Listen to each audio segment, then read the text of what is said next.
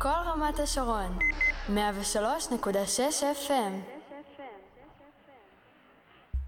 שלום לכם, מאזינים ומאזינות יקרים ויקרות, אתם נמצאים איתנו כאן ברדיו כל רמת השרון, בתדר 103.6 FM, תוכנית ספורט חדשה, איתי רז פרץ, בה אני מדבר על האירועים האחרונים שקרו בספורט, בדגש על נציגותינו בארץ ובעולם.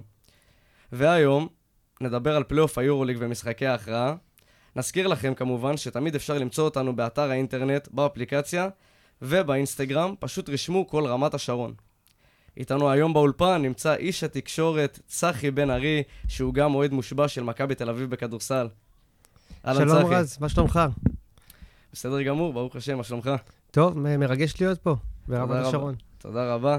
נגיד תודה לחנניה, טכנאי השידור שלנו, שיהיה איתנו היום. אז uh, צחי, שאלה לי אליך. כן. נתחיל עם, uh, נסקר את ג'לגיריס ברצלונה. מה אתה חושב על הקלות שבה ברצלונה בעצם הדיחה את ג'לגיריס?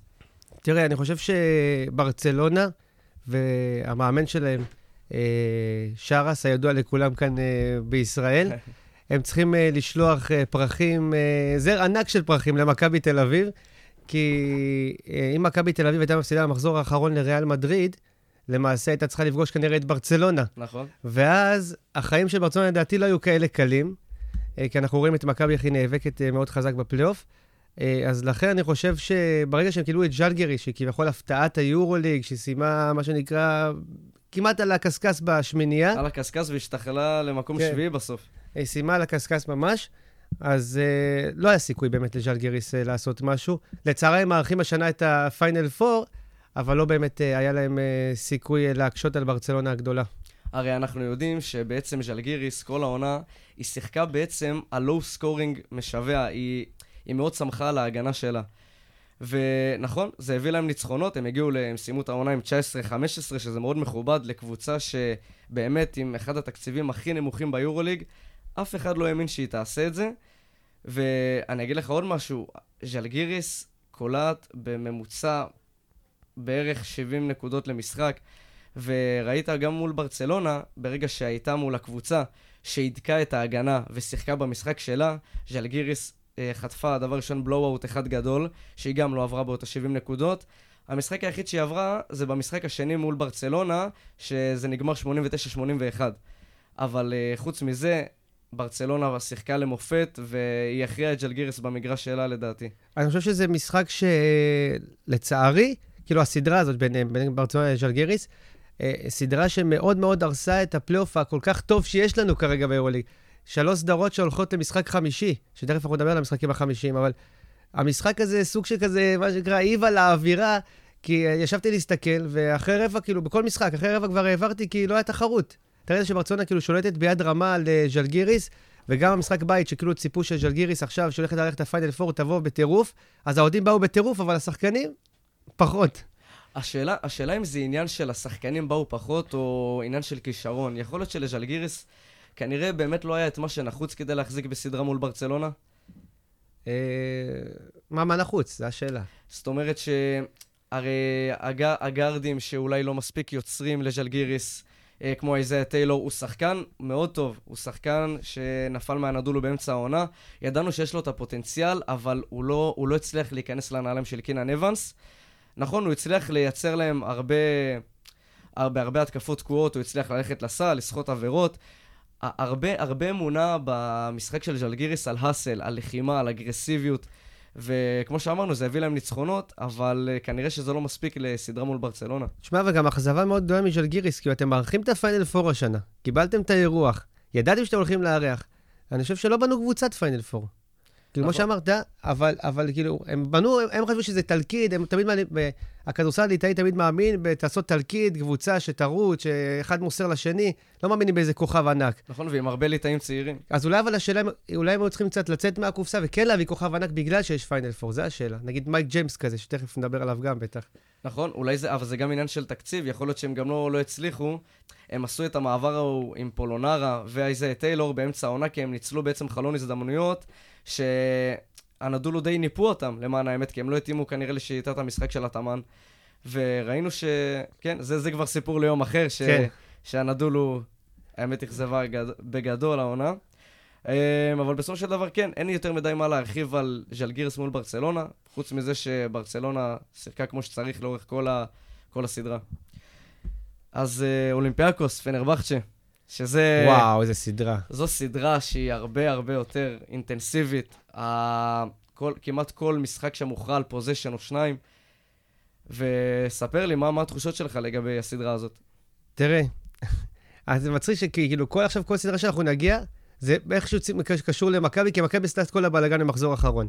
הרי מכבי, מה שקרה, למי שלא יודע ולא עוקב, מכבי בכדורסל הייתה צריכה או לנצח את ריאל מדריד ולקבל uh, את uh, מונקו, מה שהיא קיבלה, שיהיה יותר קל, או להפסיד, ואז הכל מסתבך שם בתוך ה... אה, מכבי יכלה לרדת באיזשהו תרחיש למקום שמיני גם. כן, לרדת למקום שמיני. אממה, מה קרה? פנרבכט שמעדה במחזור האחרון והפסידה לקבוצה שכבר אין לה סיכוי, לכוכב האדום, ומכבי ניצחה את ריאל בבית, וקיבלה את ה... מה שנקרא... את היריבה האולטימטיבית. הקלה, כן, הקבוצה הקלה. אז פנרבכט שלצערה סיימה שמינית, שהייתה טובה לכל העונה, פנרבכט, שהייתה חזקה מאוד במקום החמישי. סיימה בסוף, ברגע האחרון, במקום השמיני, קיבלה את אולימפיאקוס במקום הראשון. ושמע, זה סדרה, זה כיף לראות, אני מחכה לזה, גם אם לא מספיק, אני מקליט ורואה את זה כמה פעמים. זו סדרה שמה שנקרא, אה, מי שתעלה משם לא תפתיע. נכון. שתי, יש... שניהם אה, ראויות, שתיהן, נראה. כנראה שיש לאולימפיאקוס יתרון, יתרון ביתיות שהוא, אין מה לעשות, הוא, הוא מאוד מכריע, כי ראית את זה גם בעונה שעברה מול מונקו. הם הגיעו למשחק מספר 5, ומייק ג'יימס אז, בעונה שעברה, לקח על עצמו, ובאמת הם הובילו כבר בעשר הפרש ב, ברבע האחרון, ואולימפיאקוס כל פעם מצא את השלשה, מצא את הפרצה. אתה יכול להגיד שזה כביכול קהל, אתה יכול להגיד שזה השחקנים שעשו את העבודה. אני חושב ש, שזה הכל ביחד. וגם המאמן כמובן, יש לו חלק גדול מאוד ב- בהתקדמות הזאת שאולימפיאקוס עושה כבר אה, במשך שלוש עונות. הם היו קבוצה שדשדשה בין מקום עשירי ל-11 לפלייאוף. בעונה הראשונה עם סלוקאס הם לא הצליחו להפיל לפלייאוף. כמובן, זה אנחנו יודעים. הם לא הצליחו להפיל לפלייאוף, ובעונה אחרי זה, זה כבר, הדברים היו נראים הרבה יותר טוב. הם הביאו שחקנים שמתאימים לרוטציה של המאמן. הם עשו פיינל פור כמובן, הם אה, שיחקו לא רע בכלל, והנה, העונה הזאת הם סיימו במקום הראשון uh, בעונה הסדירה עם כדורסל באמת. Uh, חלק יגידו שהוא לא הכי יפה לעין, uh, אני, אני יכול להבין את זה. אולי במחצית הראשונה של העונה זה מרהיב, כי הם רצו בטירוף ו... נכון. ומלא אסיסטים. לקראת הסוף ראית שכבר הם עייפים מזה, הם לא רגילים להיות במקום הראשון ו- ולהחזיק את זה לאורך זמן, זה כבר עייף אותם הקטע הזה. נכון. יש קבוצות שלפעמים מעדיפות לבוא מהמקומות הקצת יותר, אה, מקום אולי שלישי, רביעי, אבל אין ספק שיתרון הביתיות הוא מאוד חשוב פה, ואני אגיד לך את האמת, לא, לא בטוח ש... שפנרבכצ'ה לא באה מוכנה למשחק הזה. אני חושב שפנרבכצ'ה הראתה לאורך כל הסדרה, כולל המשחק הראשון מההתחלה, שהיא באה להגיד, אני כאן, אנחנו נמצאים כאן, אנחנו, אמנם הם שיחקו עם רוטקציה קצרה קצת, אה, כמובן שהיה להם פציעות, בוקר, אה, סקוטי, ווילבקין, שידידנו, מי שכבר... האהוב שלנו בהיכל. אין ספק. אז אה, כמובן שבסופו של דבר, אה, אנחנו יודעים שהקהל הוא עניין מאוד מכריע. ובר... וברגע שיש לך את הקהל לצדך, ואתה יודע, הדברים האלה משחקים תפקיד כל כך חשוב, בעיקר באירופה, נכון? ב-NBA הדברים האלה פחות שמים לב לעין. אבל באירופה יש אווירה אחרת, בעיקר באצטדיונים הלוהטים האלה של אולימפיאקוס, של פנתנייקוס, של מכבי, של פרטיזן בלגרד, שתכף נדבר עליה, ועל מה שקורה בינה לבין ריאל מדריד, כי זה לא פחות סוער ממה שקורה. ובסופו של יום, אה, אנחנו נדע, היום בערב, אנחנו נדע מי, מי, תקבל את ה, מי תקבל את הכרטיס לפיינל 4, מי תהיה השנייה. האם אתה אבל רואה באמת תסריט שפנרבחצ'ה?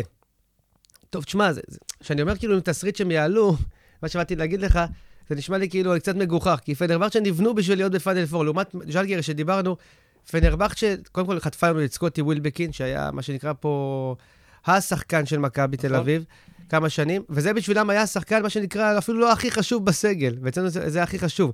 והחתימו רכזים, והחתימו קלעים. אז, אבל השאלה אם אתה רואה אותם שיכולים לעשות את הקפיצת מדרגה, להגיע לאולימפיאקוס עכשיו, משחק חמישי, מה שנקרא, עם הלחץ היווני, ובאמת לעשות את זה בחוץ. ובוא נגיד, לא אמרנו את זה בתחילת התוכנית, אף קבוצה לא ניצחה משחק חוץ חמישי ביורוליג. שזה נתון מדהים בפני עצמו. באמת, אף קבוצה לא הצליחה לעשות את זה, ועכשיו יש לנו שלוש אופציות. שלוש אופציות באמת של, של קבוצות שיכולות לעשות את זה, וקבוצות לא רעות, מכבי, פנרבכצ'ה, וכמובן אי אפשר לשכוח את פרטיזן. של אוברדוביץ', המאמן האגדי. שאוברדוביץ', רק סדרה אחת הוא הפסיד מתוך 22, שזה משהו שבאמת אי, אי אפשר, אי אפשר לתאר, זה נתון מדהים שעומד בפני עצמו. אז בעיקרון אני חושב שמה שקרה לפנרבכצ'ה, פנרבכצ'ה הרי כולנו יודעים, היא עשתה התחלה מטורפת, 9-1, היא באמת, היא, היא דיברה מול כל הליגה מגבוה, היא שיחקה כדורסל יפה לעין, היא שיחקה כדורסל מאוד ממושמע, ו... אני יכול לגלות סוד למאזינים עליך? אה, תספר, בטח. אה, אז כמו שאמרת, גם הצגת אותי, אמרת שאני אוהד מכבי תל אביב, אנחנו באמת הולכים למשחקים, אנחנו יצאנו באמת ללוות את כל העונה הזאת, בכל היורוליג ובמיוחד במכבי, ליווינו את כל העונה, עקבנו מאוד חזק. נכון מאוד. אה, ואתה אמרת לי, אני לא אשכח את זה, במחצית הראשונה של העונה אמרת לי, פנרבכצ'ה זה לא הליגה של מכבי, אין לנו סיכוי להגיע לשם. כרגע הם נרא... באמת נראו בלתי מנוצחים. לפי איך שהם נראו, אתה צודק, כן, נכון. ותראה איך התהפכו היוצרות. כאילו, עכשיו מכבי, לא יודע הם משחקים אחד נגד השנייה על הנייר, לדעתי מכבי יכלה לעבור אותם בסדרה. נכון, עם יתרון באיטיות לדעתי, למכבי היה יתרון ודאי על פנרבכצ'ה. אני חושב שמה שקרה לפנרבכצ'ה התחיל אי שם במחזור ה-26, כשמכבי בעצם, אה, סליחה, במחזור ה-27, שמכבי די דשדשה, מכבי הייתה במאזן 13-13, אחרי הפסד די מוחץ למונקו, כמובן. אה, עד ש... ואז מכבי עשתה את הריצה של השישה ניצחונות רצופים. ואי אפשר לשכוח את זה שמכבי הייתה במשחק צמוד כאן בהיכל, אחרי התבוסה שהיא חטפה ברבע הרביעי מול מונקו בחוץ, ובעצם אני, אני חושב, אי אפשר לדעת אם זה נכון או לא, אבל שהנפילה או החוסר ביטחון קצת של פנרבכצ'ה התחיל איפשהו שמה. כי פנרבכצ'ה הייתה במאזן 16-10, ומאז היא הצליחה לגרד שני ניצחונות עד, עד סוף העונה הסדירה, שזה נתון שלא לא אמור להיות לקבוצת פלייאוף, כי היא אמורה לבוא בישורת האחרונה, כמו שמכבי עשו כביכול, לא רק מכבי, גם פרטיזן, ז'לגיריס. אה, בסקוניה אה, גם עשתה את זה, אבל היא הפסידה משחק אחד יותר לאולימפיאקוס, שלא אה, הייתה ברירה. ובסופו של דבר, אני חושב שזה מה שהשפיע עליהם. כמובן שעכשיו הם התאוששו, הם באו לסדרה הזאת, הם לא באו, הם הרגישו שהם לא באים כאנדרדוג מובהק, הם באו לתת את הטון, וכמובן שאם השלושה של סלוקאס לא הייתה נכנסת, אולי היינו מדברים אחרת כרגע. כן, אבל זה חשוב באמת כמאזינים שלנו. לא כולם כמונו חולי כדורסל, שאומר לך פה כאן סלוקאס הסל האחרון, אז באמת כוכב אולימפיאקוס, שחקן מהגדולים ביורולי, אה, שם סל ניצחון בחוץ, נגד פנרבכצ'ה בשנייה האחרונה. שהוא שיחק שם כמה עונות, שזה משהו שהוא באמת לא רגיל. אז, אז מה אתה חושב? אז מה יהיה? אז uh, מה אני חושב שיהיה? תראה, אני מה חושב... מה היית רוצה שיהיה? מה הייתי רוצה? Uh, בעיקרון, כל קבוצה שאתה מקבל בפיינל פור היא מאוד קשה. Uh, בעיקר קבוצה שבאה עם אוהדים מהבית, אז אני חושב שלקבל את אולימפיאקוס יהיה כמובן יותר קשה, או למכבי או למונקו, לא משנה מי מהן תעבורנה. Uh, אבל אני חושב שאולימפיאקוס, יש לה קצת יותר עומק וקצת יותר כלים, וכמובן את יתרון הביתיות, בעצם לנצח uh, 3-2 ולעלות לפיינל 4. אז אני חושב שפנרבכצ'ה עוברת. ידידי היקר, פנרבכצ'ה תהיה הקבוצה הראשונה שתעשה ניצחון uh, בחוץ. Uh, לי משהו מרגיש שהם באמת נבנו בצורה uh, נכונה. הם קבוצה שיותר יכולה, מה שנקרא, לכסח אותך ב money time. אולימפיאקוס הייתה כזה קבוצה שנקרא, היינו טובים כל העונה, תעשו לנו בראבו, אבל לא קבוצה עם הסכין בין השיניים, מה שנקרא. אני חושב שגם הלחץ דיבר אה, אה, מאולימפיאקוס, כי אני לא זוכר מתי פעם אחרונה אולימפיאקוס סיימה במקום הראשון את הליגה הסדירה, והגיעה למעמד שבו היא כביכול השולטת, שולטת על הליגה, אה, אמנם לא בהרבה ניצחונות מעל ברצלונה, או ניצחון אחד, אבל עדיין היא שידרה משהו שבאמת משדר כוח, וכמובן שמשדר גם לחץ. הם שידרו לחץ, האוהדים שלהם אה, כמובן ציפו, אה, אני בטוח שהם מצפים, לא ציפו לה, לעשות 3-0 על, על אה, פנרבכצ'ה, כי בכל זאת יש, יש קבוצה מולך, קבוצה שעד לפני שני מחזורים, שלושה מחזורים לפני הליגה הסדירה, הייתה עדיין במקום החמישי, אה, ששואפת להיות במקום הרביעי. ובסופו של יום אני חושב שזה מה שיכריע, אולימפיאקוס תעבור. את פנר, אה, אתה אומר פנר, אני... יש הקלטה, אז אני אמרתי פנר. אני חושב ש, שזה גם יכול להיות. מלחמה בטוח תהיה. מלחמה בטוח תהיה, יכול להיות שזה גם ייגמר בפוזיישן אחד לפה או לשם. רק לא באלימות, כבר ראינו דבר כזה ביורוליג, רק לא באלימות, כי באמת שם ש... שתי, שתי הקבוצות פה, נבנו ללכת לפיינל פור. יכול, דבר כזה יכול לשבור גם קבוצה, שהם כאילו השקיעו כל העונה, ופתאום, אתה יודע, לפספס על משחק חמישי, שזה ייגמר ספורטיבי, מה שנקרא. נכון? שלא נשכח שאולימפיאקוס לא הפסידה בליגה העונה. וואו, בליגה היוונית, היא לא הפסידה משחק אחד. מטורף. זאת אומרת, מ- זאת אומרת מול פנתנייקוס, מול קבוצות קשות, בחוץ, בבית. אה, אז אין ספק שהתהליך הזה שהם עשו פה בעונות האחרונות עשה חיל, וקשה, קשה מאוד להתמודד מולם, גם בבית וגם בחוץ. זו קבוצה שאי אפשר להספיד אותה אף פעם, ולכן, אה, לדעתי, אולימפיאקוס יעלו, ונחכה ונראה. בדיוק. אה, פרטיזן נגד ריאל מדריד. זה, מה שנקרא, זה הסדרה שהיא גם לא רק סדרה, זה גם סרט, יכולים לעשות על זה. זה אין ספק סרט, גם היורוליג, פעם ראשונה שקבוצה גונבת שני משחקים בחוץ. זה דבר שהוא לא קורה. פרטיזן. כמובן. פרטיזן, אוברדוביץ', כל הקריטריונים נכונים. אני... גם אם אני אראה, אתה יכול, לפי המשחק ש, שראינו אותו, אני זוכר שגם ראינו אותו בדיוק אחרי שנגמר המשחק של מכבי תל אביב, העברנו לראות מה קורה בין פרטיזן לריאל, ופרטיזן שיחקה כדורסל ממושמע, יפה לעין, וזה פשוט הייתה הצגה של אוברדוביץ' והשחקנים שלו. היא גם הגיעה, אפשר, אפשר להגיד שהגיעה לפלייאוף הקבוצה עם הכי, כאילו, הכי מחוברת. כל הקבוצות, כאילו, כמו שאמרנו, התחילו בהתחלה חזק, כמו אולימפיאקוס, כמו פנרבכצ'ה, ואז לאט לאט דעכו. פרטיזן באו במומנטום אדיר, כאילו, הרגשת שכאילו, הכל התחבר להם בבת אחת בדיוק בשביל הפלייאוף, ובאמת נתנו את ה-2-0, ב- לדעתי בקלילות, אפשר לומר אפילו. שזה היה מפתיע מאוד. שמע, אני חושב שלא הייתה קלילות במשחק. המשחק היה הרי, הראשון היה מאוד צמוד ואי אפשר לדעת לאן זה היה הולך אחרי זה. הרי קווין פנתר כלה סל חצי שנייה לסיום. כמעט על הבאזר, הוא לא השאיר לריאל, ורא- והאמת ראו, אחרי המשחק הראשון יכולת לראות שחקנים כמו אזוניה, שחקנים כמו אבוסלס, אה, שתכף נדבר גם על התקרית שהייתה. שחקנים שקצת איבדו את, ה, את הרוח, שאולי אולי זה לא נכון, אבל קצת ראו שירדה להם הרוח מהמפרשים, וגם כשהם עלו למשחק שני, הם, הם הפסידו ב-15 הפרש לפני שהייתה את התקרית הגדולה הזאת, וראית שבאמת פרטיזן בעצם עשתה להם, לא רק עשתה להם בית ספר, היא, היא, היא לא כפתה, היא גם כפתה את המשחק שלה במגרש חוץ כל כך קשה כמו ריאל מדריד, שבקושי מפסידים שם בשנים האחרונות ולאורך ההיסטוריה.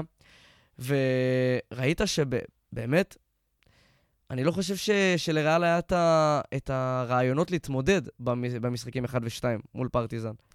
אני חושב גם עצם כך שריאל הגיעו, הם רגילים להגיע, הם- אני חושב שהם עשו כל העשור הזה בערך אה, פלייאוף, הם לא הפסידו אף פעם נראה לי להגיע לפלייאוף, ריאל מדריד. אני חושב שעצם כך שהגיעו כביכול פייבוריט, אמרו כאילו, פרטיזן בלגרד, נו באמת, כאילו, זו קבוצה שאנחנו עוברים כמו מכבי. בשבילם גם מכבי זה קבוצה כזאת, כאילו, בסדר, אנחנו נעבור את הסדרה. ובא להם אוברדוביץ', שהוא דוקטור כדורסל, המאמן האגדי של אה, פרטיזן, ואמר להם, לא, חבר'ה, אתם תצטרכו להתאמץ פה בסדרה, אנחנו לא פראיירים. ואתה רואה שריאל כאילו באו מבוהלים בהתחלה, ככה אני הרגשתי כאילו, נכון, היה צמוד אמרת המשחק הראשון, אבל הם היו מבוהלים.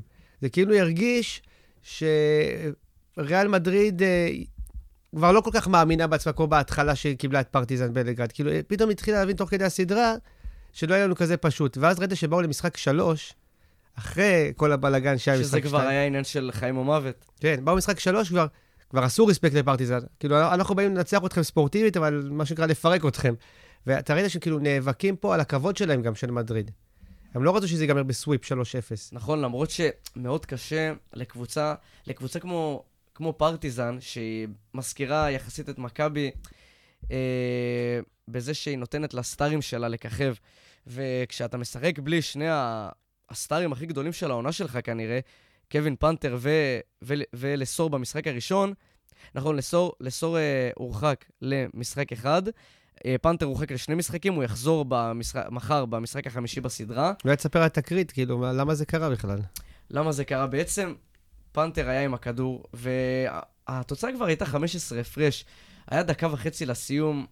אין, אין באמת דרך, אני חושב שזה היה באמת תסכול של סרחיה יואי שעשה עבירה בלתי ספורטיבית. מה שקרה אחרי זה, שכמובן פנתר הגיב, ואז כמובן, אחרי ששחקן אחד מגיב, אה, הכל יכול לקרות. גם שחקנים של ריאל מדריד קפצו, שחקנים של פרטיזן קפצו מהספסל. מה שאבוסלה עשה זה לא, לא היה מבייש אה, אף אחד. יש עכשיו. אליפות העולם בג'ודו, משודרת אה, ממש בימים אלה. אני חושב ששחקן ריאל מדריד יכול ללכת לשם, כי הוא פשוט העיף שחקן בצורה כאילו... מה שנקרא, הוא מוצא לעצמו עוד אה, משהו אחרי הכדורסל. יש עוד- לו מקצוע קריירה, הכזה, בוא כן. נגיד ככה, הוא לא צריך. לדאוג. מטורף. אז הוא בעצם גמר את העונה ביורוליג, כי הוא הורחק לחמישה משחקים, זאת אומרת שזה, גם אם ריאל יעלו, זה כולל הגמר. אז אנחנו נראה אותו או בליגה הספרדית או בעונה הבאה. והאמת, שחקן כמו אבוסלה, כן, היה, צריך אה, לשמור את הידיים, אבל... אה, אבל זה כמו- עשה להם טוב לריאל מדריד, שזה מוזר, הייתי בטוח שכאילו זהו. אני חושב שמה שעשה להם יותר טוב זה הסנקציות שהיורוליג בעצם הנחיל, אה, כמובן על שתי הקבוצות כמו שהיה מגיע, אבל כמו שאמרתי מקודם, לקבוצה כמו פרטיזן, שהיא לא קבוצה עמוקה כמו ריאל מדריד, ואין מה לעשות, אה, קבוצות כמו ריאל מדריד, כמו ברצלונה, אה, כמו אולימפיאקוס כמובן, אלה קבוצות מאוד עמוקות שתמיד יש להם את הכלים להחליף, ו... והנה ראית, גם בבית, בהיכל געש הלוהט הזה, בסטארק ארנה של פרטיזן בלגרד, אתה ציפית שלפחות משחק אחד הם ינצחו שם. וכשזה לא קורה, אה, מתחילות, מתחילות להיות התהיות, אה, שכנראה כמובן שזה לא אותו דבר בלי פנתר. זהו, השפעתי להגיד לך, אנשים שכאילו עוקבים אחרי היורוליג יגידו לך, אבל רגע, הכוכב של אה, פרטיזן בשני המשחקים מובהק, היה פנתר, והוא הורחק להם. לשני אז, משחקים. אז אה, אולי הם כאילו סמכו עליו שהוא יעשה להם את הסדרה, ופתאום שהוא לא נמצא, אין להם מי לסמוך. כן, זה גם בעיה. וגם אם יש על מי לסמוך, זה, זה לא מספיק. כי יש לך את ים הדר, יש לך את אלכסה אברמוביץ' בגארדים, אה, דנטה אקסום שחזר אחרי פציעה אה, קטנה, לא קטנה, אה, חלוקי דעות בעניין הזה. אה, ג'יימס ננלי, שהוא שחקן שיכול לייצר לעצמו, אבל הוא, הוא עדיין צריך גם שייצרו לו. וכשראינו, כשאין, וזק לידי, אין ספק שהוא הוא היה לדעתי השחקן הכי משמעותי בשני המשחקים של פרטיזן בבית. כמובן שזה לא הספיק, אבל uh, זק לידי נתן את כל כולו, והיה אפשר לראות את זה על הפנים שלהם אחרי המשחק. Uh, אנשים יכולים לראות, ת, תבדקו אותי. ראו את פנתר בסוג של נאום חוצב להבות קטן, שהוא בא לכל השחקנים, תפס אותם במעגל, אחרי שראית הראש של ים הדר היה ברצפה על ידי, אה, לסור, ננלי לא חסר, הוא אמר להם, למה אתם עצובים? הוא שאל אותם, למה אתם עצובים? יש לנו עוד משחק. אנחנו, יש לנו עוד 40 דקות של דברים שיכולים להיות מוכרעים פה, ו... והוא חוזר למשחק האחרון. והוא חוזר למשחק האחרון. ואני חושב שהוא רצה לתת להם את הביטחון הזה, כי הראש שלהם היה די בקרשים אה, אחרי 2-2, כי אף אחד לא מצפה שפרטיזן תפסיד 2, 2, שני משחקים בבית, אחרי שהיא כבר גנבה שני משחקים בחוץ. אין בן אדם, אני חושב, לא סתם אני. אמרתי סרט, באמת, אני חושב שאחרי הסדרה הזאתי, מה שנקרא יוצרי אה, נטפליקס למיניהם, יקפצו על הדבר הזה.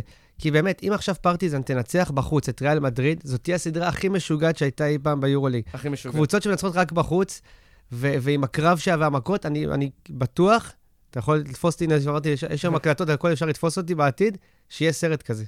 אני חושב שהיורוליג יעשה סרט יעשה. כזה לדעתי בוודאות, זה גם אוברדוביץ', אוהבים אותו, המאמן האגדי של היורוליג, יהיה פה סרט. וכל כך הרבה תרחישים שאף אחד לא ציפה להם, גם שהיה קרב בין השחקנים, תרתי משמע הקרב, אה, גם, גם במגרש וגם מחוץ למגרש. האוהדים ששיחקו תפקיד, אה, גם שהאוהדים של פרטיזן שבאו למדריד ונתנו את הטון, וגם כמובן שבבלגרד הם נתנו את הטון, אבל זה לא הספיק. אז באמת אי אפשר לדעת מה, מה הולך להיות בה במשחק החמישי. אה, פנתר חוזר, אה, יבוסלה עדיין בחוץ, אבל ההרכבים עומדים מלאים לשתי הקבוצות.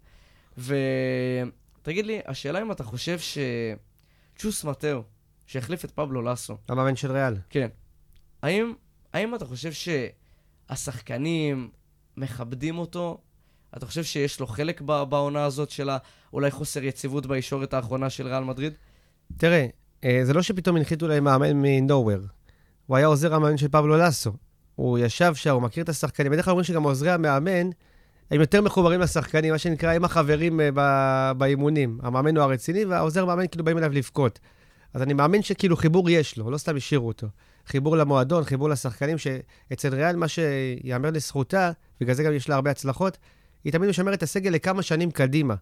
כאילו, השחקנים עוברים דרך, הם מתחברים ביחד, הם מכירים אחד את השני, אה, טסים אחד עם השני. הם לא כל שנה מחליפים קבוצה. אז אני חושב שבאמת, ברגע שיש לך עוזר מאמן שהלך איתך שנים, ושחקנים שהלכו איתך שנים, אז חיבור בטוח יש לו. אני לא חושב שזה אשמתו, אני חושב שיש להם עייפות החומר. קבוצה שכל הזמן רק מצליחה, מצליחה, מתישהו צריך לבוא נפילה. אני חושב שבגלל זה באה הנפילה. כן, אה, אני מסכים איתך. ויש הרבה שחקנים בריאל מדריד שכמובן חתומים ל... לשנים קדימה. אה, הגארדים בריאל מדריד, אה, כמו יואי ורודריגז, הם שחקנים שהם באמת נותנים אולי את העונה 2, 3 גג האחרונות שלהם בקריירה.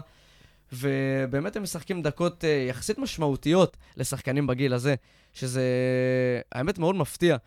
אה, אבל ניסיון כמובן זה משהו שאי אפשר לקחת משחקנים גדולים כאלה, שחקני קלאץ'.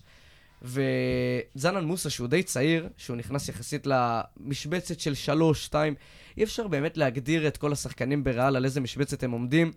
וזה מה שיפה בעונה הזאת. האמת, זה, זה משהו שדומה גם למונקו, שתכף אה, נדבר על זה בסדרה הבאה של נציגתנו המשוריינת למפעל, מכבי. תכף נדבר על זה. אז בעיקרון, ריאל מדריד, כמובן אמרנו שיש להם עומק, וגם יש להם את הניסיון הזה, את הביחד, שאתה רואה שגם אחרי... הערך המוסף. כן, הערך המוסף שהם לא נרתעים, הם לא נרתעים מאף קבוצה, הם יודעים מה הם שווים. וגם ב-2-0, ושאתה הולך לשחק במקום כל כך עוין וכל כך קשה, אף אחד לא האמין שהם יצאו משם אולי עם ניצחון אחד גם. שמע, הם מדהימים, הם פשוט, אה, באמת, זו קבוצה, כשאנחנו דיברנו איזה קבוצה אנחנו לא, לא, אנחנו רוצים לקבל בפלייאוף, עשינו כאילו חישובים, נכון. אני ואתה. ריאל מדריד אפילו הייתה, לא לקחנו בחשבון. אמרנו ריאל מדריד בצד, כל השאר אני ואתה רק לא ריאל מדריד. כן, רק לא ריאל מדריד, כי ה matchup של מכבי הוא לא מתאים. של כולם, אתה רואה, הנה, פרטיזן הגדולה, אתה מצפה, אוברדוביץ' 2-0. בוא תסיים את הסדרה עם הפרטיזן שלך, כאילו, אתה בבית. כאילו, זה, זה חלום, כולם רוצים לעשות 2-0 בחוץ ולבוא למשחק האחרון בבית. אם זה היה קורה למכבי, עם הביתיות שלה יכולה לקחת. אבל אתה בא ואתה אומר, כאילו, אתה מצפה מזה, ואתה רואה שריאל, יש לה מה שנקרא עוד נשמה, תשע נשמות, כמו של משהו מטורף. הם פשוט אף פעם לא נגמרים, זה מדהים לראות את המשחק שלהם. המשחק שלהם מאוד רגוע, והמשחק... הרבה תרגילים גם. בוא לא נטעה גם, זה לא שריאל קראה, הביסה את פרטיזן המשחקים, שני המשחקים היו מאוד מאוד צמודים. זאת אומרת שוויליאמס גוס, שחקן שקיבל דקות לא דקות העונה, לא ידע את מקומו כל כך, אה, כמובן ברוטציה של צ'וס מטאו, פתאום נותן לך שלשת קלאץ' שמעלה להפרש של שלוש, והסטארק ארנה, כאילו, פתאום קצת שותק. זה, אני חושב שזה בא לכולם בהפתעה. Uh, ומאז השלוש הפרש האלה, פרטיזן קצת uh, לא, לא הצליחה למצוא את עצמה בהתקפה הבאה, וזה כבר עלה ל-4-5, ומשם פרטיזן לא הצליחה לחזור. Uh, אבל וויליאמס גוס בעצם נתן, נתן שלושה שהחייתה את ריאל.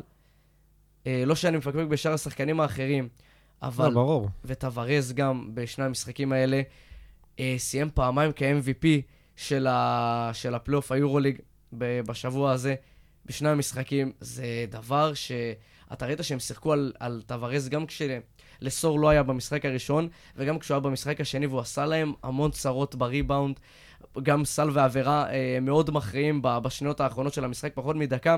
אחרי שים הדר, ים הדר עשה אנחנו חייבים כמה, כמה מילים עליו באמת, על ים הדר. כן, אנחנו תכף נדבר עליו, אני רק, אני רק אגיד שים הדר, אה, למי שלא ראה, למי שלא ידע, השעון הראה על דקה 27 לסיום. ים הדר חוטף כדור לנייג'ל, אה, לא סליחה, לא לנייג'ל, לוויליאמס גוס, שרק דיברנו עליו והיללנו אותו עכשיו על מה שהוא עשה במשחק השלישי. גם במשחק הרביעי הוא נתן את הטון.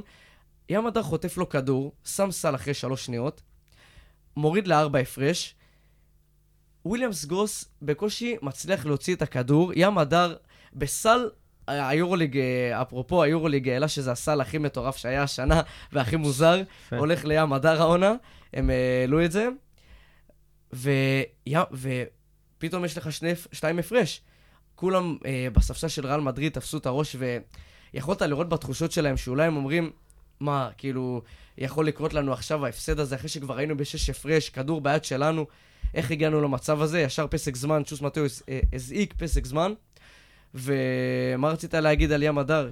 תראה, מה, מה שעצוב לי על ים הדר, קודם כל, שחקן ישראלי שלנו, משחק אצל המאמן הכי טוב באירופה. שזה תמיד לראות. החלטה חכמה מאוד שלו ללכת למה שנקרא לקשה, וכולם אמרו לו, איך אתה הולך? המאמן הזה, הוא יעשה לך בית ספר, אתה עוד בהתחלה שלך וזה, וכל הכבוד לו. ואנחנו רואים את התוצאות שהוא משתפר ממשחק למשחק, אבל מה שעצוב לי על ים הדר, ש... אתה יודע, עכשיו הורחקו לפרטיזן שחקנים, אז מה שנקרא, לא נשאר למאמן ברירה, אלא לזרוק את ים הדר למים, קח 30 דקות לשחק.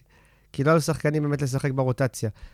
והוא נותן אחלה, הוא לקח את המשחקים עליו, אבל בגלל שהם הפסידו, אני מפחד שכאילו הכל יפול עליו ויגידו בסוף בתקשורת, אחרי שהפסידו נגיד את המשחק החמישי, ים הדר לא הוכיח שיכול להוביל את הקבוצה. אתה מבין? וזה קצת עצוב לי. כן, אני חושב שזה יהיה שגוי להגיד דבר כזה, כי נכון, אמנם אוברדוביץ', אה, להבדיל מאורך כל העונה, שהוא נתן לים דקות די ספורות, הוא נתן לו לאורך כל העונה, אה, ואפשר גם לבדוק שהוא לא השתמש בו במאני טיים לאורך כל העונה. בכלל, אני חושב אולי במשחקים ספורים, ספורים מאוד, ופתאום, אתה רואה, מהמשחק הראשון של הפלייאוף, הוא השתמש בעמדר בדקות האחרונות, לא, לא, לא, ב, לא רק לאורך כל המשחק.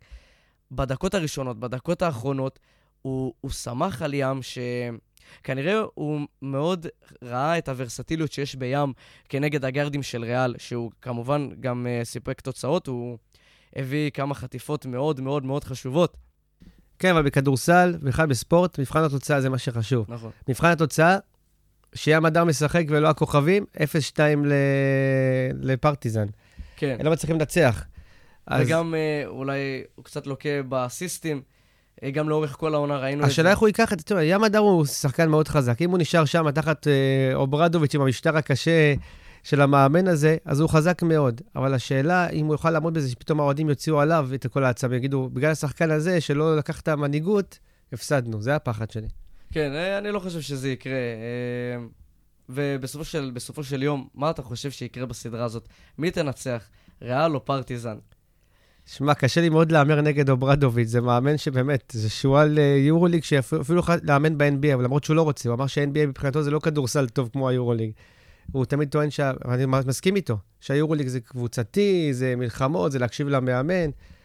אה, קשה להמר נגדו, אבל אני חושב שזו הסדרה שהוא מפסיד בה. זו הסדרה שהוא מפסיד בה. כן, להפסיד שתיים, שני משחקים בבית לריאל מדריד, שהיה לך פה את מה שנקרא, היה לך כל כך הרבה סיכויים לקחת סדרה נגד ריאל מדריד, עזוב אותך ב- בסוויפ, לפחות ב- בשלוש אחת, והפסדת את שני המשחקים בבית עם הקהל המטורף שלך, אתה לא עובר את מדריד. אז פרטיזן, פרטיזן מודחת. בעצם בא עם הגב אל הקיר, אתה אומר. כן, והיא מודחת. ככה אני מרגיש. מה אתה מרגיש? אתה לא תהמר נגדו. קשה, קשה מאוד, אני- קשה מאוד להמר נגד אוברדוביץ'. קשה גם מאוד להמר כנגד התשוקה. ופנתר ו- שחוזר. ופנתר שחוזר, אבל התשוקה של, שמביאה פרטיזן, השחקנים, האוהדים, זה דבר שאני אני רואה את הסלוגן הזה, כנראה ראינו אותו הרבה בזמן האחרון בכל מיני טוקבקים של היורוליג, אה, passion over money. ואין ספק שלפרטיזן יש passion הרבה יותר גדול מריאל מדריד, במשחק שלה, בצורה, באוהדים. זה כמובן שהיא לא יכולה להתחרות עם הכסף של ריאל, אבל תשוקה יש לה. ואני חושב שבסופו של יום, זה כנראה מה שיכריע את הכף לטובת פרטיזן. שיו, אנחנו שונים מהם לגמרי, אה? כן, אנחנו שונים היום לגמרי. אחד אומר אה, פנר, אחד אומר אולימפיאקוס, אחד אומר... אה, טוב, אבל אה, הלכת, אבל הלכת... אבל הלכת עם האנדרדוג, אני- עם פנר כביכול, ב- כן, בסדרה הקודמת. אבל עכשיו אני, אני הולך עם הניסיון. תשמע, נכון, אנחנו אמרנו אוברדוביץ' אוברדוביץ', אבל יש פה בריאל יול, סרחיו יול, ראה הכל. אלוף ספרד, אלוף עולם עם ספרד. יש לך שם את טבארס, שזה שחקן סנטר NBA אפילו, הייתי אומר. אי אפשר גם להמר נגד ריאל, ואני הולך עם ריאל, ב, ב, אני חושב שזה יהיה אפילו חד צדדי. עד כדי כך, באמת. אני מרגיש שהולך כאילו להיות שם דריסה, שריאל מיד תבוא עם כל המוטיבציה, ניצחנו בחוץ שני משחקים, ואוברדוביץ' זה יהיה עצוב, אבל הגיע הזמן שאוברדוביץ' גם יפסיד, ש... אה, כן, ירד אה, הלחץ ממנו. זה... השאלה אם זה יוריד את הלחץ ממנו, או שזה יעשה אותו לא, אני מתכוון. שמהקבוצות האחרות שמקבלות את אוברדוביץ' נבהלות. עכשיו יגידו, אה, הבן אדם הזה אפשר לעבור אותו. אפשר לעבור אותו בסדרה, גם אם זה משחק חמישי. אה, טוב, הגענו לדובדבן שבקצפת. יש שיגידו שלא, זה תלוי את מי אתה שואל. נציגתנו המשורנת, מכבי תל אביב, זו הייתה סדרה שכל משחק בה, תסכים איתי, אני חושב שתסכים איתי, כל משחק בה היה תרחיש שונה לגמרי. היא נבנתה לאורך שונה לגמרי מהדקה הראשונה, ומה התחושות שלך לגבי הסדרה הזאת? וואו, תשמע, איזה סדרה. קודם כל, אני חושב שמכל הסדרות שאנחנו עכשיו אה, דיברנו עליהן, זאת אפשר באמת להגיד שזו הסדרה הכי שוויונית באמת, על אמת. שתי הקבוצות, הכוכבים שיש להם, כאילו, לקבוצה אחת יש מייק ג'יימס, לנו יש לו אה, לורנזו ובולדין. אה, האלה שקולעים, שהם מה שנקרא ארבע, ככה ככה, לא כזה טוב. הם כאילו ג'רל. אה, כלה שלושה אחת לאורך הס- הסדרה מול כן, אבל. לשני הקבוצות אין, ארבע שהוא מטורף. ואתה כאילו, אתה מרגיש שזה כאילו ממש 50-50, כמו שאומרים תמיד, 50-50 הסדרה הזאת. ו- וככה גם הרגשנו. כאילו, זו סדרה שאתה, כל משחק אתה אומר, מה יהיה היום? זה, זה- נכון, נכון, אני מסכים איתך, גם ראינו את התחושות. הרי המשחק הראשון התחיל, מכבי שלטה, אה, די שלטה לאורך, אה, לאורך המשחק, אני חושב שהיא לא, היא הובילה כל המשחק. אה, כמעט כל המשחק. אה, היה עוד צמוד אה, לקראת המחצית, אבל כן, מכבי די נתנה את הטון לאורך כל המשחק. מונקו הייתה, אה, אפשר להגיד בלחץ משתק מאוד, היא כלאה 15 אחוזים במשחק הראשון, 4 מתוך 26. זה דבר שאתה אתה פשוט לא יכול לנצח איתו. אני, אני לא חושב שרק סדרה, אתה לא יכול לנצח איתו אף משחק. האחוזים של מונקו לשלוש, חוץ מבמשחק השלישי בתל אביב, היו קטסטרופליים. הם לא היו, הם לא היו טובים, ויכול יכול באמת להיות שזה זה מה שייתן את הטון במשחק החמישי. המחוץ לקשת הזה, שגם מכבי לא הייתה בהכרח טובה, אבל הייתה קצת יותר יציבה לאורך המשחקים. אה, ובסופו של יום, אה, כשרא... כש... כשהגענו לפה ב-1-1, אתה האמנת שמונקו יוצאת מפה עם משחק מספר 5? כן. תראה, מונקו הרי סיימה מקום ארבע. היא מארחת את מכבי תל אביב בסדרה הזאת, כביכול, היא קיבלה את היתרון באיטיות. היא גם קבוצה יותר טובה, חשוב להגיד. לא בטוח, אני אמרתי לך, אני חושב שזה 50-50. אני, עכשיו אני מרגיש את זה, שכאילו, אם נגיד הכוכבים שלהם לא טובים של מונקו, אז מכבי ביתרון. אם הפוך, אם הכוכבים של מכבי לא זה, אז שזה מה שקורה בסדרה, זה נופל על הכוכבים כרגע, לגמרי. נכון, כרגע זה נופל על הכוכבים, אבל כנראה שלמכבי, אולי למכבי יש יותר עומק, אבל פחות כוכבים לספק בסדרה הזאת. כמו, סתם לדוגמה, מייק ג'יימס, אה, אוקובו, לויד, מוטיונס שנתן, וכמובן ג'ון בראון, הם נתנו עבודה מאוד אגרסיבית בתל אביב. השאלה איך אתה מסתכל נגיד על ג'ונדי, אני רואה אותו גם ככוכב.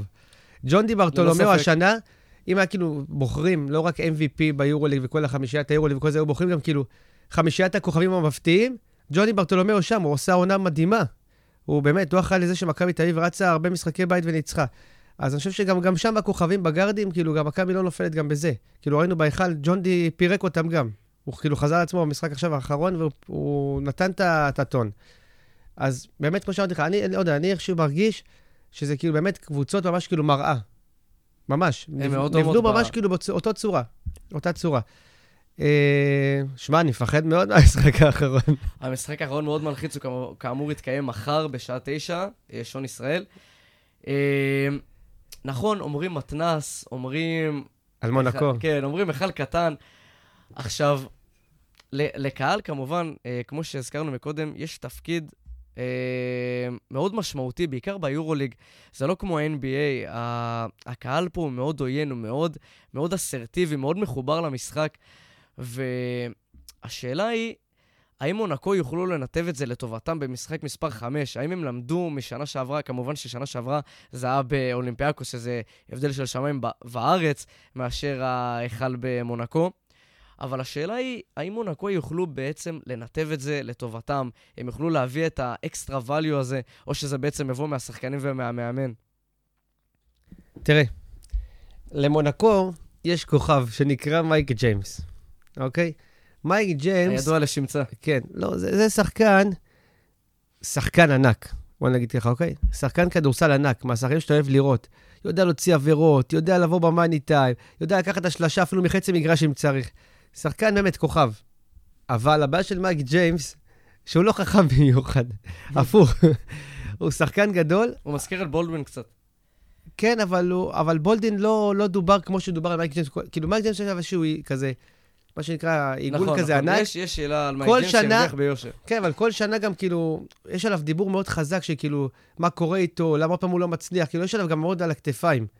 אתה רואה שכאילו, זה שחקן שכאילו, הובטח לו להגיע לטופ של אפילו ה-NBA, כאילו, הוא עשה איזה כמה משחקים ב-NBA, אבל משהו שם לא מסתדר, בקופסה, משהו לא מסתדר. ועל זה ייפול הסדרה. על זה כאילו תקום, תקום ותיפול המשחק האחרון. אם מייק ג'יימס יבוא מרוכז או לא. כן, אם הוא מ- ייצר לאחרים. ראינו במשחק מספר 3, גם אחרי זה שמע, אה, היה אפשר לשמוע אותו בריאיון לתקשורת הצרפתית, הוא התראיין, והוא אמר, הוא אמר כמה משפטים, משפטי מפתח קודם כל, והוא אמר משפטים מאוד... אה, אה, אי, אי אפשר לדעת איך להתייחס לזה, הוא אמר בעצם, אני, אני אוהב אה, במשחקים עוינים מהסוג האלה, שהם באו כמובן עם הגב על- אל הקיר, כי זאת אומרת שאם מכבי הייתה מנצחת פעמיים, היא הייתה בפיינל 4 כן. ובתל אביב, ומייק ג'יימס אמר, אני אוהב אה, לקחת על עצמי את המשחק. כי הכי לחוץ. כי אני חושב, כי אני חושב, כן, אה, במשחק חוץ, ו- או משחק שעל כל הקופה, כן. כי אני, אני מאמין שאני הכי רגוע בקבוצה. אני מאמין שאני הכי רגוע מקבוצה, ואני יכול לשדר לכולם, אני דווקא חושב הפוך, שהוא הכי מטורף בקבוצה. אבל אתה מטורף הבנת מה אני בקטע טוב. מתכוון? כן, כאילו, הדבר הזה מטריף אותו. אני תמיד, אני אמרתי לחברים שישבו במשחק, וגם לך אמרתי, אולי לא צריך לבוא בטירוף למשחק הזה ולשגע את האוטובוס של השחקנים וזה, כי אני חושב ששחקנים כמו מייק ג'יימס, זה אומר שהנדלק, נדלק, כמו ל"ג בעומר של מדורות, זה הגפרור שמדליק אותם, הטירוף הזה. והוא תמיד מרגיש גם צורך להוכיח ולספק את הסחורה, כמו- שנקרא. ויכולת לראות שמהדקה הראשונה, בוא, בוא, בוא רק נזכיר שמכבי תל אביב לא עלתה ליתרון פעם אחת במשחק מספר 3. היא בבית. השוותה פעם אחת, וזהו, היא לא עלתה ליתרון. בבית, בבית שלה, במשחק מספר 3, כשכל האוהדים, אה, מי שהיה שם, הוא יבין, הייתה תצוגה מדהימה של הקהל. היה מאוד מרגש, אה, גם במשחק מספר 4 עם הטקס לדיוויד בלאט, אבל הרגשת שמכבי תל אביב מאוד לחוצה כנראה מבחינת השחקנים, כי האוהדים, האוהדים הגיעו, אה, אפשר להגיד, Gate שאחראי על אה, תצוגת עידוד מאוד גדולה, להטריף את הקהל, להעלות סרטוני מוטיבציה לשחקנים, וכמובן לדבר עם המשפחות של השחקנים, שזה לא פחות חשוב. ראינו כמה היה חשוב אה, לאוהדים של מכבי להחדיר בשחקנים, שכמובן, בוא, בוא, בוא נודה באמת, זו קבוצה חדשה. קבוצה עם המון שחקנים חדשים, שאני חושב שהם הבינו לאיפה הם באו. אה, מהמשחקים הראשונים היה אפשר לראות את זה. השחקנים הבינו שמדובר כאן במועדון גדול, ויכולת לראות גם ברעיונות של וייד בולדווין ליורוליג, רעיונות של לורנזו בראון, של אה, דרן היליארד. יכולת לראות שכל אחד מהם מדבר על הדבר הזה שאי אפשר להסביר אותו ברגע שאתה חי בתל אביב, ושאתה בא למשחקים בהיכל הזה. וכמובן, למכבי יש את הרקורד הכי טוב ביורוליג העונה במשחקי בית, 15-2, שזה דבר ש...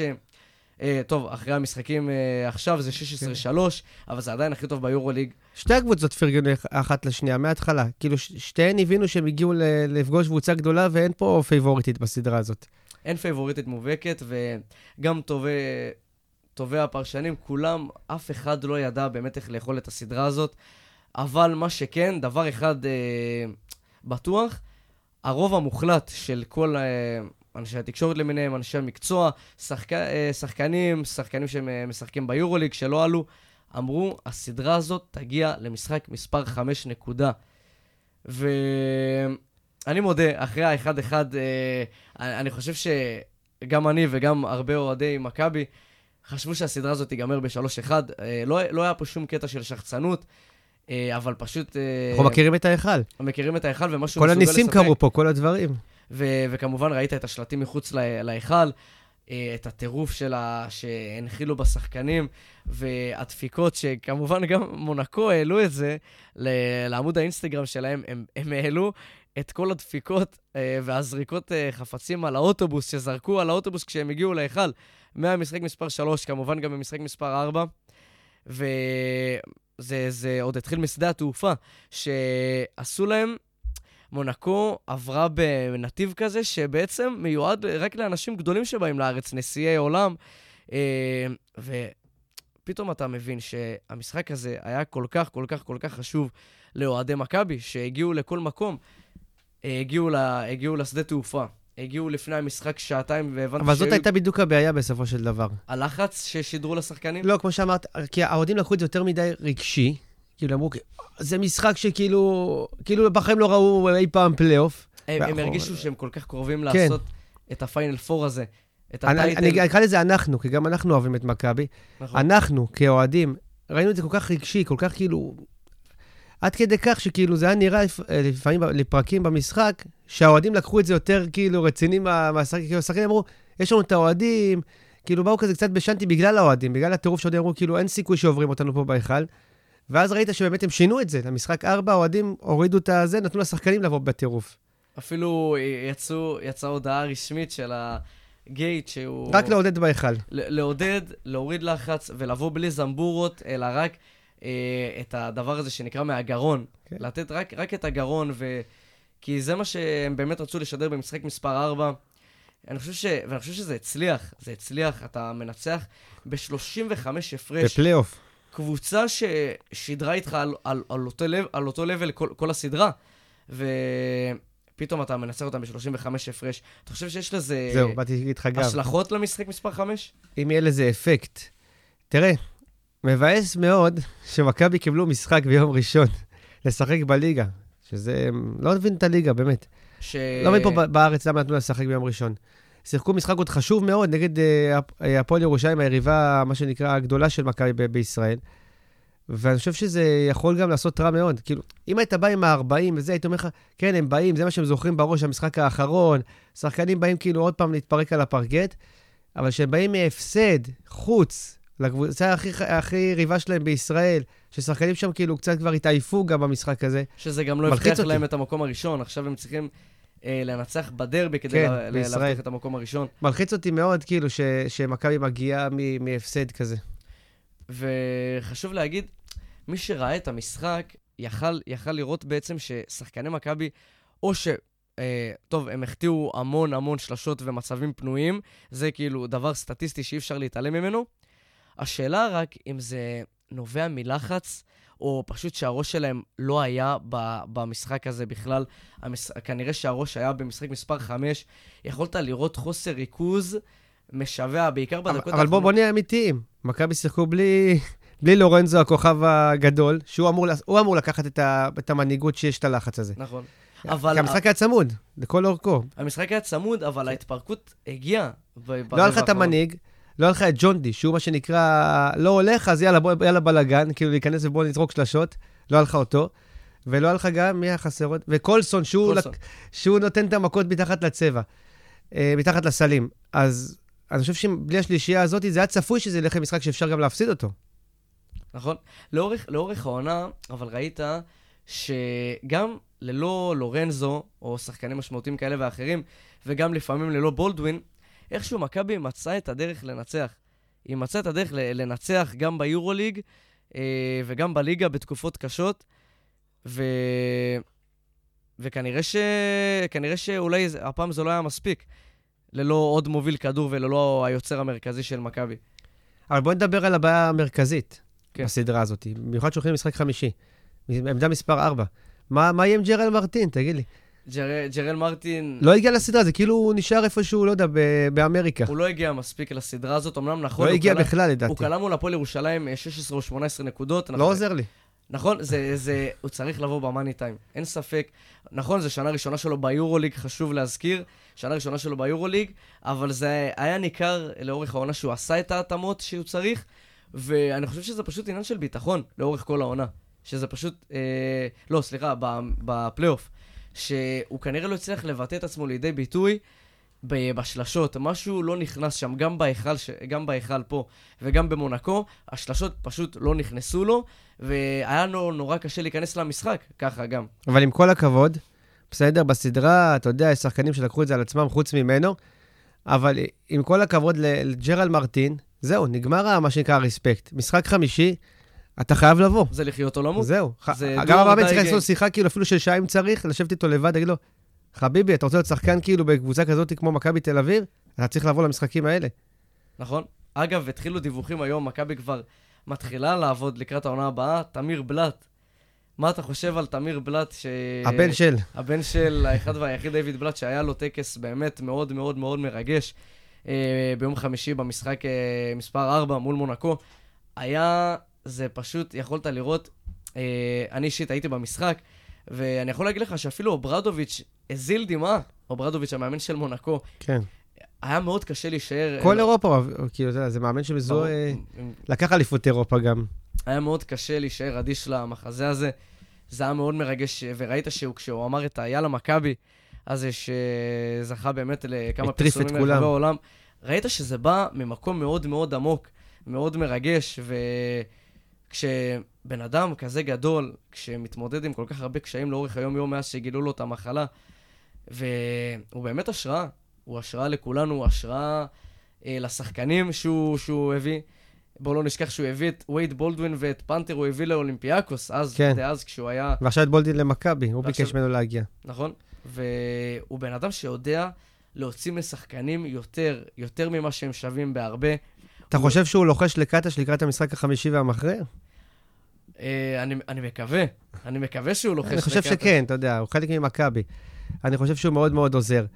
אבל באמת התחלנו את השיחה על בלאט בגלל שדיברנו על הבן שלו, שאני חושב ש, שזה פספוס של מכבי, עכשיו, אולי הוא יגיע, אבל לאורך השנים שבלאט, משפחת בלאט, כאילו שתמיר לא היה כוכב של מכבי, אלא כוכב של אה, ירושלים. אה, ואני מעריך שבאמת בעונה הבאה הוא יהיה כאן, וזו החתמה יותר מראויה. ולסיכום, איך אתה חושב שהסדרה הזאת תיגמר? אתה מרשה לי לסדרה הזאת לא להמר? אה, אני, אני מרשה לך להגיד מה, מה אתה חושב על הנייר ולא מה שיקרה בפועל. אה, טוב, אני בחיים, לא, אני לא רוצה ללכת עם מכבי. עם או נגד? אני לא רוצה ללכת עם מכבי. אה, וגם אמרת מה שאני חושב באמת שיקרה, מונקו, נכון, זה נראה חוג, נכון, אולם קטן, אבל אני, אני מרגיש שהיא תעשה את זה. מונקו ת, תנצח את הסדרה הזאת, אבל אה, זה ייתן למכבי, אה, אתה יודע, מוטיבציה לעונה הבאה. אז אה, כן, אני, אני אישית חושב שמכבי איכשהו תצליח לעשות את הסוויץ', יהיה מאוד קשה, אבל מכבי לדעתי תצליח לעשות את הסוויץ', ועם זה נסיים. נגיד תודה, חברים, תודה רבה לצחי בן ארי שהיה איתנו היום, תודה שהחזרת אותי לרדיו רמת השרון, אחרי כל כך הרבה זמן. ולחנניה, טכנאי השידור שלנו, תודה שהיית איתנו כאן היום. וכמובן, אה, נזכיר לכם רק שהתוכנית היום חד פעמית, היא הייתה ביום שלישי בשעה שלוש. התוכנית תהיה אה, ביום שלישי בשעה ארבע, היום זה היה חד פעמי, ונתראה שבוע הבא עם אה, מיטב הידיעות. אה, וכמובן שעכשיו, אה, בניחוח אירוויזיון, נשים את השיר של נועה קירל לאירוויזיון, ותהנו. היוניקרון שלנו. כן.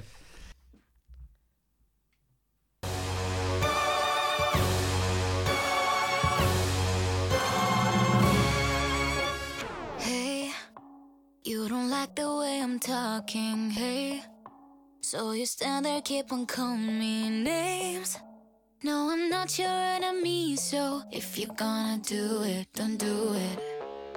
Hey, do you wanna check my DNA? All the stories time to go away and believe in fairy tales, oh. If you're gonna do it, I'm gonna stand in like a unicorn